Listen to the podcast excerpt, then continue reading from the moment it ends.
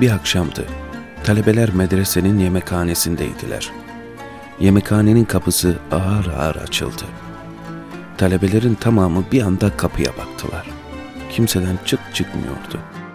Sadece zamanlarda kapı açılsa, içeriye insanlar doluşsa, belki de çokları yemeğinden başını kaldırmaz, bir lahza olsun bakmazdı.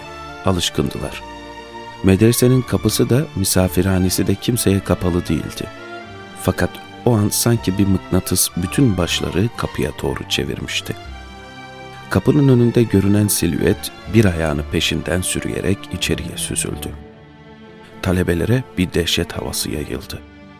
Yaşlı adamın sol kolu da felçti. Üzerinde yırtık pırtık bir asker elbisesi vardı. Her tarafı yara bere içindeydi. Bakınca insanın içi ürperiyordu. İhtimal pek çok hastalıkla müptelaydı ve dokunduğuna o hastalıkları bulaştırabilirdi. Talebelerde yemek yiyecek hal ve iştah kalmamıştı. Kimi tabağını eline alıp yüzünü duvara dönüyor, kimi bulaşıkhanenin yolunu tutuyor, elindeki çorba tasını bırakan ayrılıyordu. Molla Said yaşlı adamı görür görmez yerinden fırladı. Hoş geldiniz dedi. Hoş ve mesut olasın dedi adam. Elinden tuttu, yürümesine yardımcı oldu Said'e. Oturduğu yere getirdi. Karşı karşıya oturdular. Molla Said'in çorbasının çoğu duruyordu. Hemen kendi kaşığıyla misafirine ikram etmeye başladı. Bir kaşık kendi ağzına alıyor, bir kaşık felçli adama veriyordu. Adam birkaç kaşık almıştı ki kafi dedi.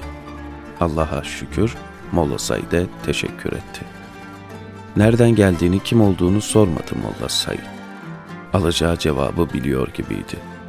Doğudan, batıdan, kuzeyden, güneyden, hem uzaktan hem yakından diyecekti. Buraların adam olmadığı belliydi. Benimle aynı kaşıktan yemek yedin. Endişe etmedin mi dedi Molla Said'e. Size o hali de bana bu hali de veren Allah'tır. Allah dilerse şu anda beni de sizin gibi yapabilir. Elim ayağım tutmaz dedi Molla Said. Tanıdın mı beni dedi adam. Sizi asker elbiseli, mefluç birisi olarak gördüm ve öyle tanıdım dedi. Meçhul adam Molla Said'in başını eliyle sıvazladı. Talebelerden birkaçı hala yemekhanedeydi. Onlara uzaktan bakıyor, sözlerine kulak kabartıyorlardı. Fakat konuşulanları duysalar da tam anlayamıyorlardı.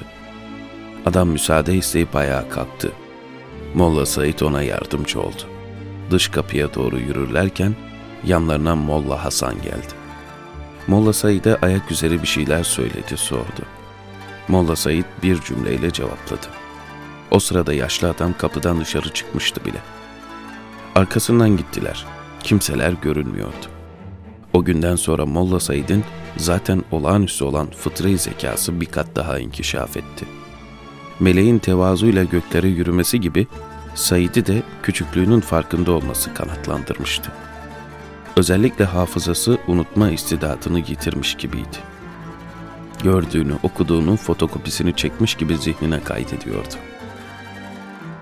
Molla camiden itibaren medresede okunması adet olan kitapları her birinden birkaç ders, en fazla on ders okuyarak bitirdi. Molla Said'in tarzı ve süratli inkişafı Muhammed Celali Hazretleri'nin dikkatini çekti.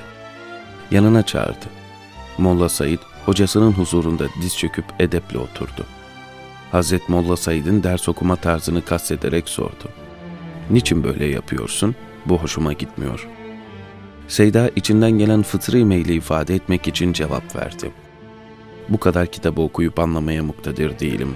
Ancak bu kitaplar birer mücevher kutusudur. Anahtarı da sizdedir. Yalnız sizden şu kutuların içinde neler bulunduğunu göstermenizi istirham ediyorum. Kitapların neden bahsettiklerini sizden alayım. Daha sonra tabiatıma uygun olanlara çalışırım.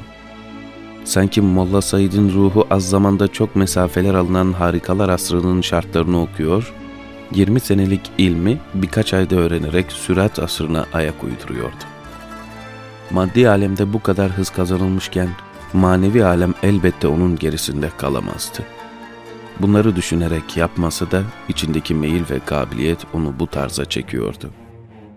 Muhammed Celali Hazretleri onun gibi bir kabiliyetten böyle harika bir inkişafı aslında beklemiyor da değildi. Onun için hem ikna hem hoşnut olmuştu. Molla Said'i tam çözmek için bir soru daha sordu. Hangi ilim tabiatına uygun geliyor? Molla Said'in cevabı tam beklediği gibi oldu. Bu ilimleri birbirinden ayıramıyorum. Ya hepsini biliyorum veyahut hiçbirini bilmiyorum. Evet, o artık ilmi bir nokta gibi görmeye başlamıştı. Zaten kainatı ve hakikati dokuyan ve onu okuyan ilimler atkı ipleri gibi iç içe değil miydi? İlimler bütüne ayrı ayrı menfezlerden, pencerelerden bakmıyor muydu? Kainat ilahi isimlerin tecellisiyle örülmemiş miydi? Biri bulan her şeyi bulur, birini tam anlayan her açıyı anlardı.